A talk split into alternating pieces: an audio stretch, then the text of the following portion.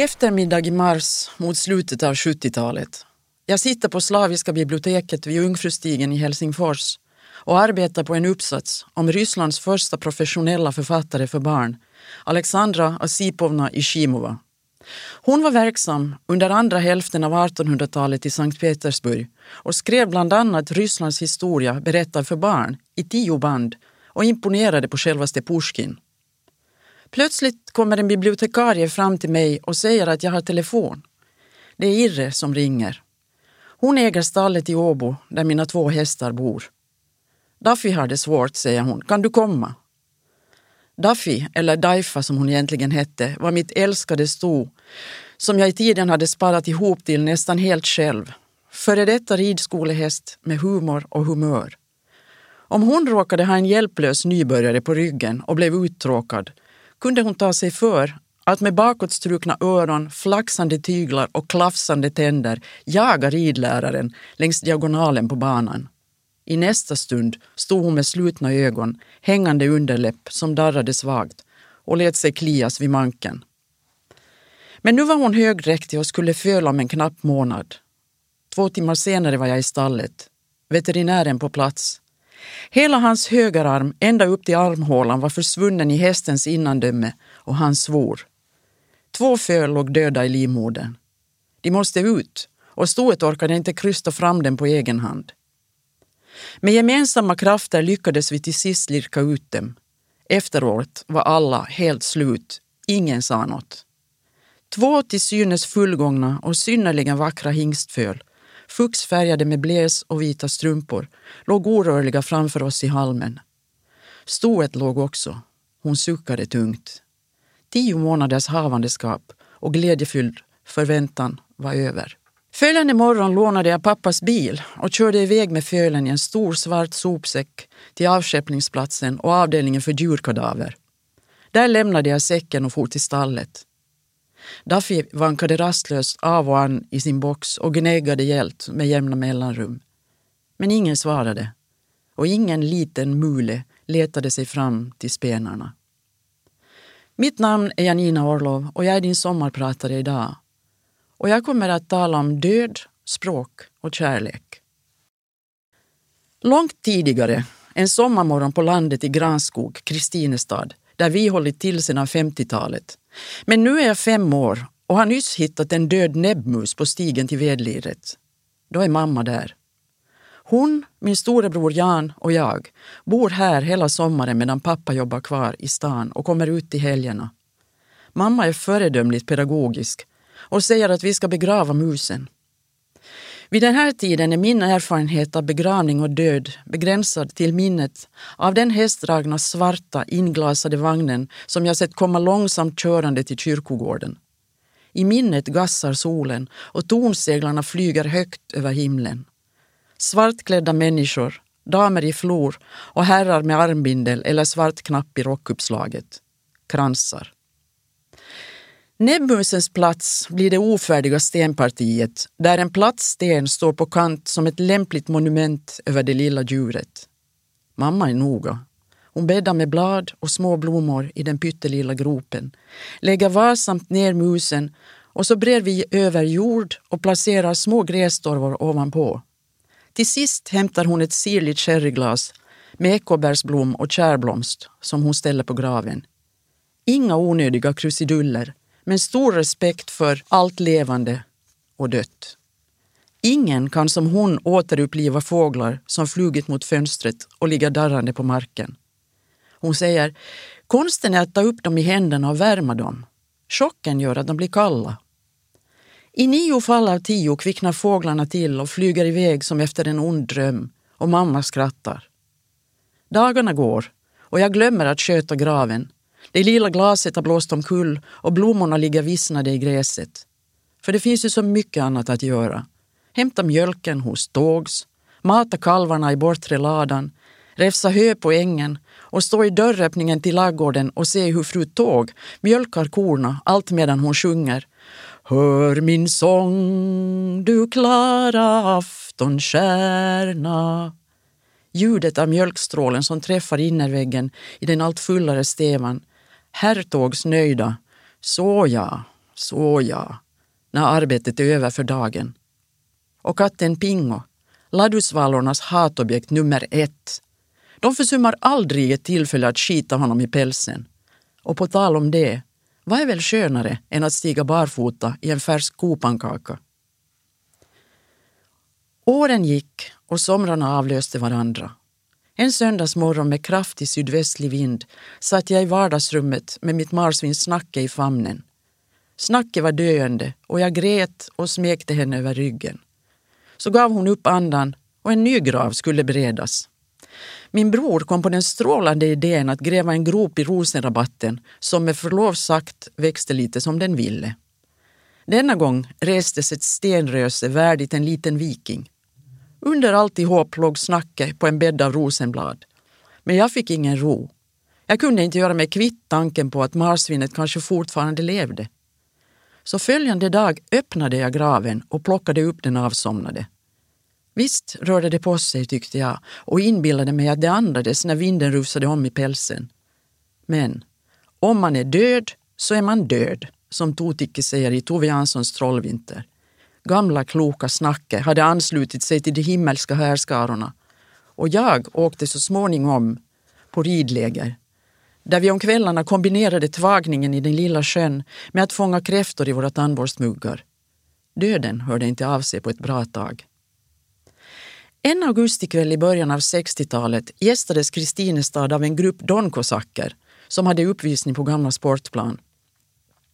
Jag är inte mycket för efterhandskonstruktion men tänker ändå att det kanske var där och då mitt intresse för hästar och det ryska språket vaknade. Mållösa i sensommarkvällen betraktade vi hur ryttarna kröp runt magen på sina galopperande hästar eller hängde på rygg gränsle över dem med ena foten i stigbygeln och det andra benet gud vet var. I full karriär plockade de upp näsdukar från marken med sina sablar och så sjöng de med starka röster i stämmor och visslade gällt och falskt. Det var sagolikt. Jag var tolv år när jag fick mitt första pass. På fotot ser jag ut som en glad hamster i randig skjortblus. Vi skulle resa till Leningrad. Det var i juli månad och pappa hade bokat in oss och några släktingar på SS Kastelholm en sirlig gångare från början av 1900-talet som varvade kryssningar till Visby med färder till Leningrad varannan vecka. Vid det laget hade mitt intresse för ryska fått ytterligare näring. Filmatiseringen av Gorkis trilogi, Mina universitet, som hade förlenat regissören Marknadskoj Stalinpriset, visades som serie på finsk tv och det var något med språket, berättelserna och melodierna som attraherade mig trots att jag nog inte begrep så mycket. Men i Leningrad lärde jag mig orden propusk för passersedel och chi, kålsoppa, som serverades i enorma tallrikar av fajans med en klick smetana i mitten. Vi åkte omkring i gungande bilar av märket Volga och drack svagt kaffe med gigantiska sockerbitar på Hotell Europeiskes valutabar, den med mörkröda väggar. Guiden från Inturist hette Ljudmila. Hon var klädd i en brun nylonklänning med småblommigt mönster, hade en mild röst och tuperat rödblont hår. Jag minns att i synnerhet sällskapets herrar tyckte hon var mycket trevlig. När jag nästa gång besökte Sovjetunionen var jag vuxen. När kommer den? Dörren till kupén åker upp med en smäll och tre par ögon i sotiga ansikten tittar uppfordrande på mig. Jag befinner mig på Transsibiriska järnvägen tillsammans med 40 riksvenska turister. Jag är reseledare och gör den här rutten för första gången. Detsamma gäller guiden från Moskva, Irina. De svarta ansiktena kommer sig av att banvallen är gjord av kolstybb som virvlar in genom de öppna fönstren i korridoren. Irina och jag har förberett oss minutiöst, men ingen av oss kan svara, trots att åtminstone min mentor poängterat att man alltid måste ha ett svar till hands om man så ska ljuga. Följaktligen finns också standardsvar. Om någon till exempel pekar på ett stort hus mitt i ingenstans och frågar vad det är för något svarar man administrativ byggnad, för det finns gott om dem i det stora Sovjetlandet. Fågeln som flyger över tajgan, är en sibirisk trast och så vidare.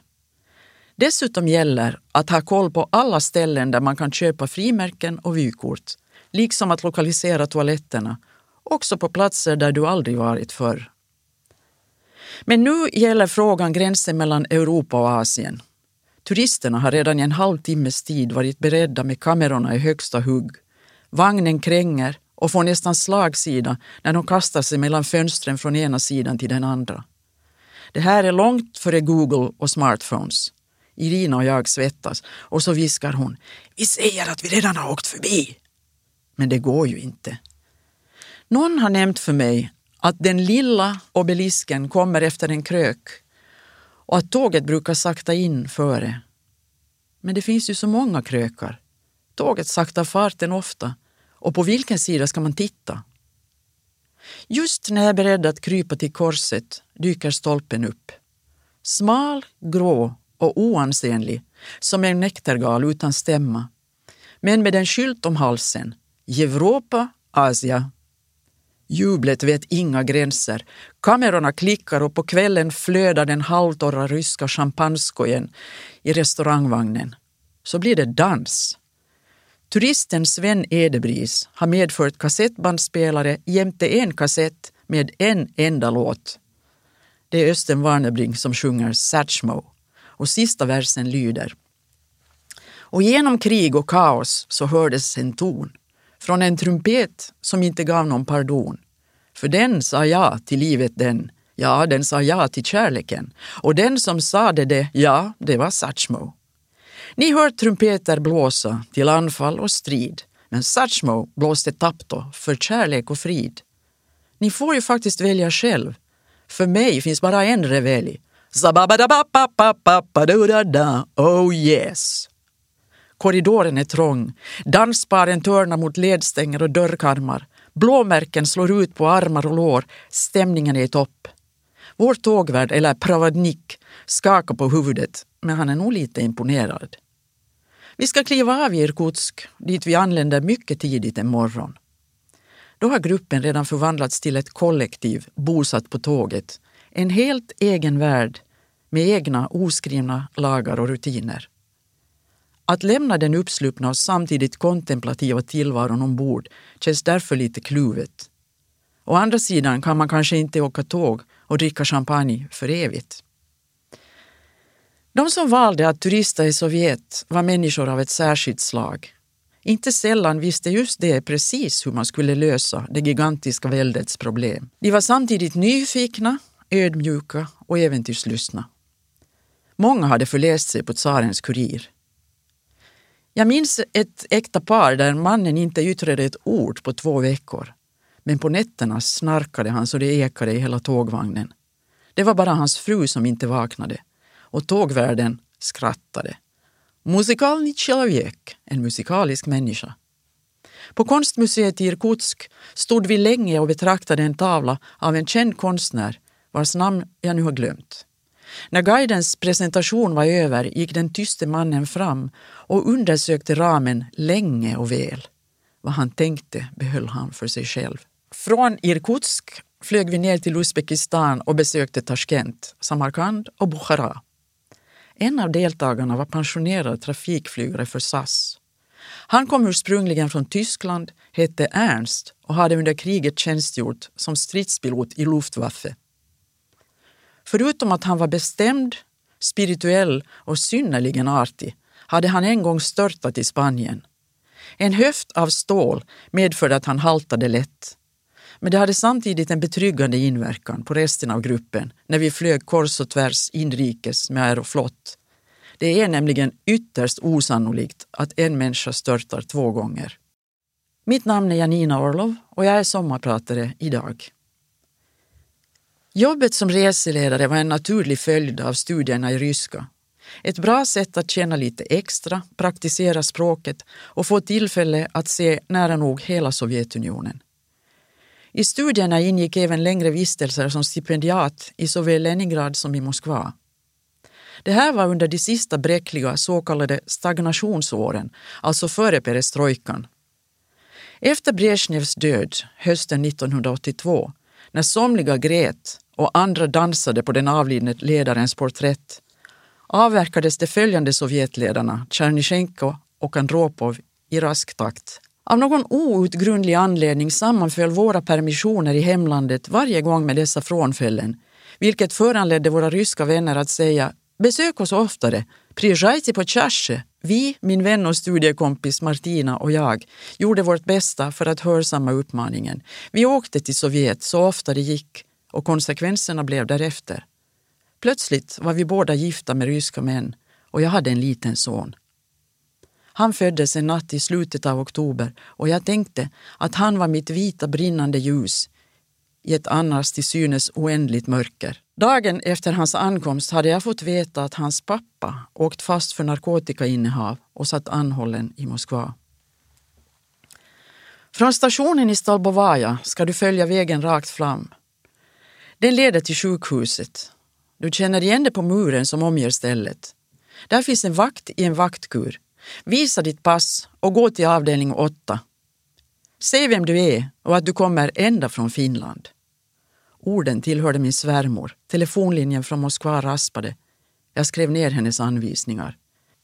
Följande dag tog jag mod till mig och gick med bestämda steg till det sovjetiska generalkonsulatet i Åbo för att upplysa tjänstemännen om mina planer. Min man är intagen på inrikesministeriets psykiatriska klinik nummer 5 i Stolbovaja och jag har för avsikt att besöka honom. Precis som jag befarat ställde de sig helt oförstående. På den tiden fick man som utlänning bara röra sig inom tre mils radie från Röda torget. Avståndet till sjukhuset var det dubbla. Tjänstemannen svarade svävande.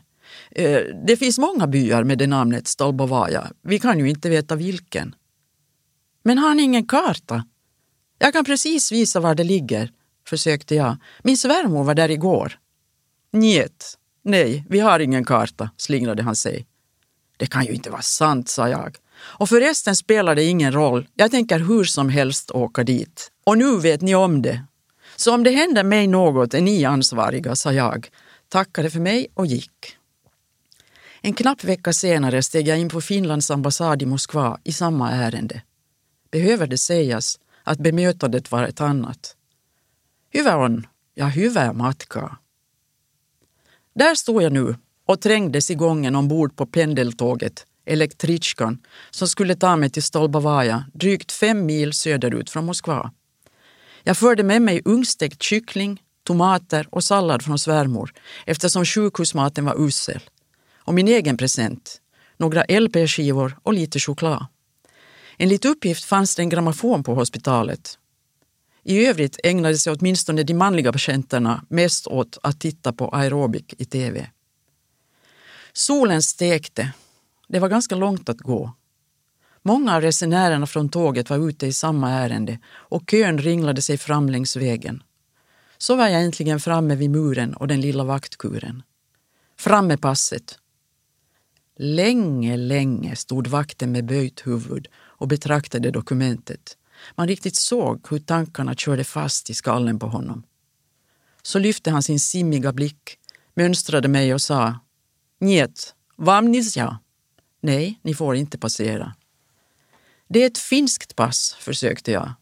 Min man är intagen här och jag är anhörig. Men han var obönhörlig och kön bakom mig växte. Inga protester eller förklaringar hjälpte. Och plötsligt var det som om all kraft rann ur mig och jag brast i gråt. Ibland hjälper det med tårar, men inte här. Sluta gråta, röt någon. Det tjänar ingenting till. Vad gråter ni för? Låt bli! Då blev jag heligt förbannad. Hade jag kommit ända hit så skulle jag också ända fram. Det fick bära eller brista. Jag backade några steg och jag som aldrig varit särskilt snabb eller bra på att springa tog sats, rusade fram med höjda armbågar igenom kuren och förbi den förvånade vakten som för övrigt själv visade sig vara intagen, en så kallad förtroendepatient, och förbi alla andra ut på sjukhusgården där ingen reagerade nämnvärt. En stund senare hade jag hittat rätt. Länge efterlängtad,” som avdelningsföreståndarinnan uttryckte det.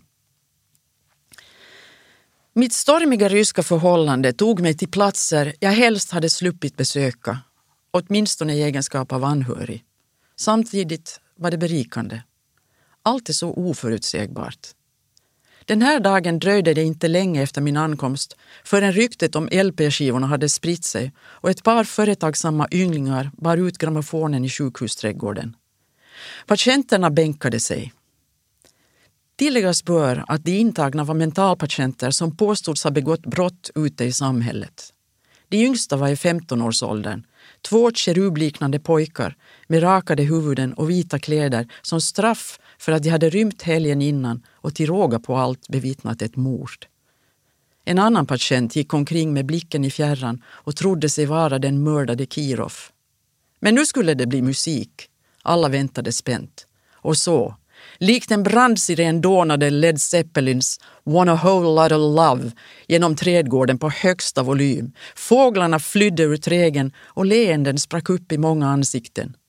Myrorna fortsatte oförtrutet vandra längs sina stigar och försvinna ner i ett litet hål i marken. Titta, sa Sergej, det är precis som ingången till metron. Men alla var inte lika nöjda. En bastant sjuksköterska med huvudbonad som påminde om en kockmössa uppenbarade sig efter låten och ropade Vad är det för en djävul som har hämtat hit det här? Какой черт это привез? Jag sa ingenting. Min relation till det stora grannlandet i öster kunde och kan fortfarande närmast beskrivas som en blandning av kärlek och hat.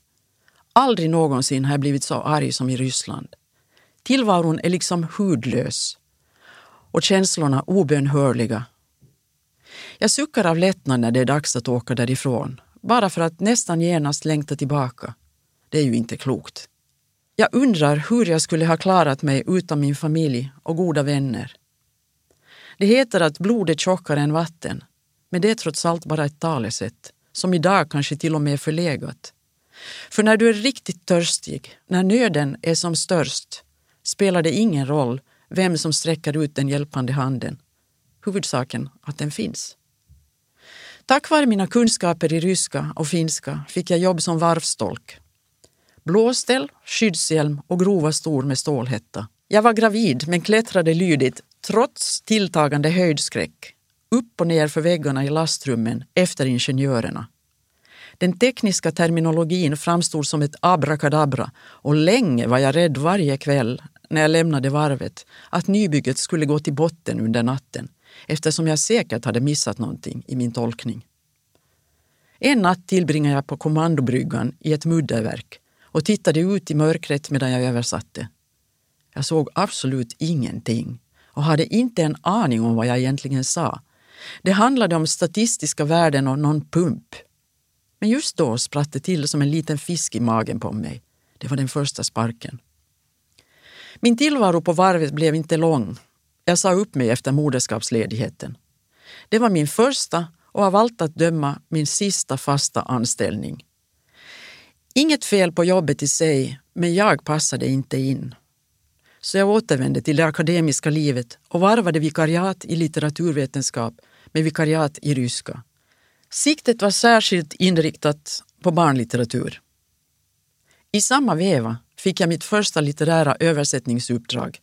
En dramatisering av Dostojevskijs Brott och straff för Lilla teatern i Helsingfors. Så kom språket så småningom att bli mitt levebröd.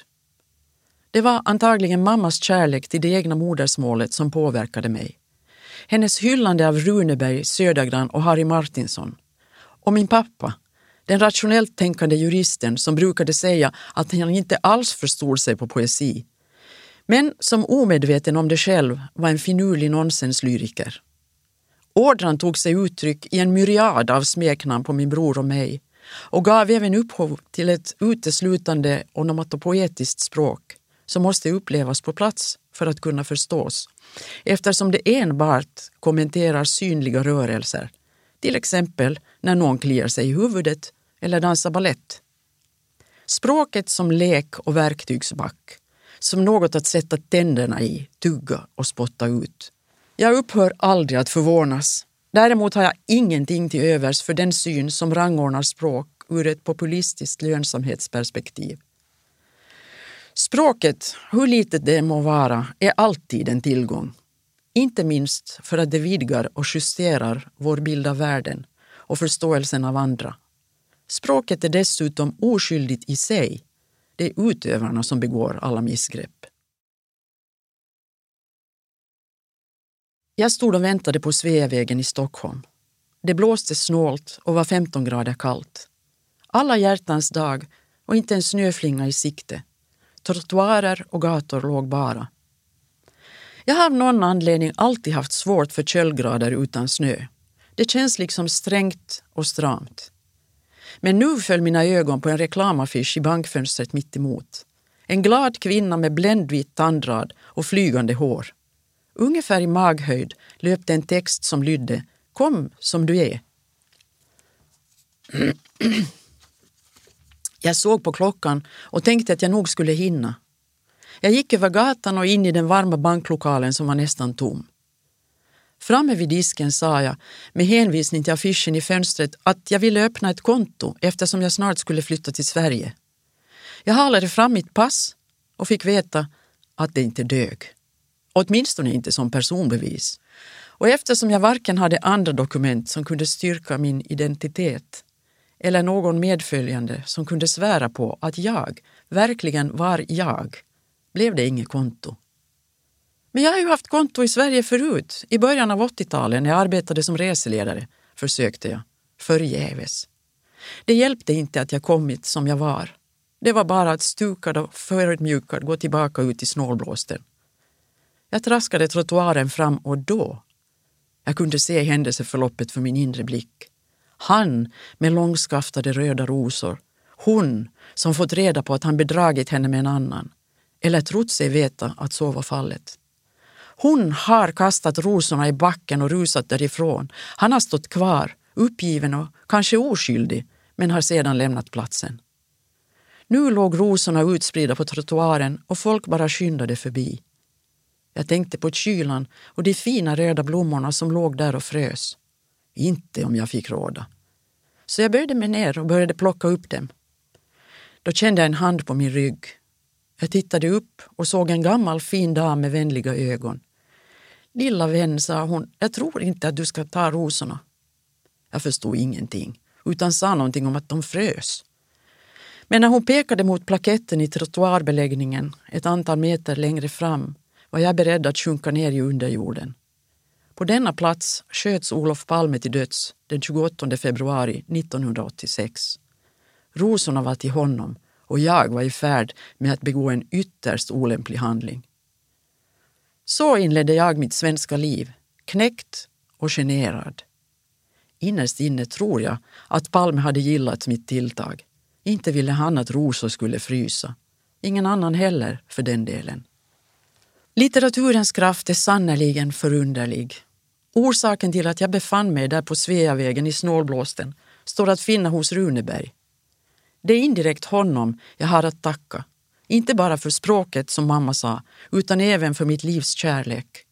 Det var Runeberg som förde oss samman. Det är helt oförglömligt. Jag kan fortfarande inte förstå att det kan vara så lätt och så givande att leva tätt ihop med en annan människa. 22 år av lycka bara virvlade förbi. Idag är han borta. Ängeln i mitt liv flög vidare en natt när försommaren var som allra vackrast. Men jag brukar titta på himlen för jag tror att det är han som sköter molnformationerna.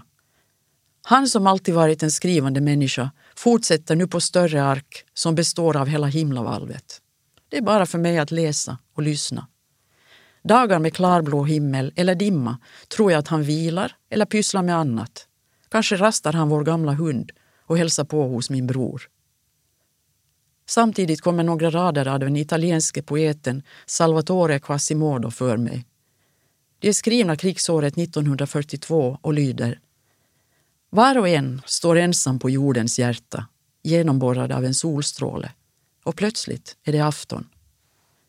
Själv tänker jag att glädjen, sorgen och kärleken inte låter sig befallas. Det är bara att ge sig hän, också när det gör ont.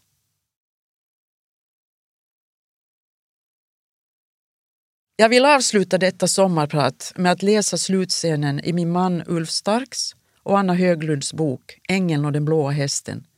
Ett triangeldrama och en kärlekshistoria med spår av Orfeus Eurydike och ett porträtt av Gud som litet barn för vilken vi som omger honom bär ansvar. Scenen är solnedgång vid stranden. Strapatserna, sagans obligatoriska prövningar är avklarade och försoningen har inträtt. Berätta om paradiset igen, ber Gud. Berätta om getterna och korna. Berätta om fästingarna och änderna och alltihop. Ja, ja, säger ängeln och den blåa hästen. Men först får du lägga några pinnar till på brasan. De ser hur glöden yr upp som stjärnor mot himlen. Sedan berättar de om fästingarna som suger sig fast på magen. De berättar om getterna och korna och om det blåa havet som sköljer in över paradisets strand. Samma färg som du, va? säger Gud och nickar mot hästen. Ja, samma som jag, säger hon, men blötare. Och kärleken då, säger Gud. Berätta för mig om kärleken. Den är så het att den bränner på huden, säger ängeln. Som elden, säger Gud och ler, för han kommer ihåg att elden är het. Ja, just det, säger hästen. Men kärlekens hetta är len som min nos. Den får hjärtat att dunka som hovar och den gör en lycklig och yr. Så yr att man inte vet vad som är upp och ner, säger ängeln och lägger upp lite mera bönor. Yr i bollen, vet jag vad det är, säger Gud och slår med fingret mot skallen. Det behöver du inte tala om för mig. Berätta om kärleken istället. Den får en att jämt vilja vara ihop, säger ängeln. Annars flyger ens längtan som fåglar över himmel och hav. Det var i alla fall jag som gjorde dem, säger Gud. Vadå, säger hästen. Fåglarna, säger Gud med mat i munnen. Jag gjorde dem av lera och löv. Jag blåste min ande i dem och då började de flyga i luften. Det gjorde aldrig ödlorna. Nej, säger hästen, men längtan gör det. Och när man är med den man älskar, då behöver man inget mer. Då klappar sig Gud på magen. Nu behöver jag inga fler bönor, säger han. Nu är jag mätt. Tror ni att jag får känna på kärleken någon gång? Det får du säkert, säger ängeln. Men man kan få vänta länge. Då ska jag sova, säger Gud, för då går tiden fortare. Jag heter Janina Orlov och jag har varit din sommarpratare idag. Tack för att du har lyssnat.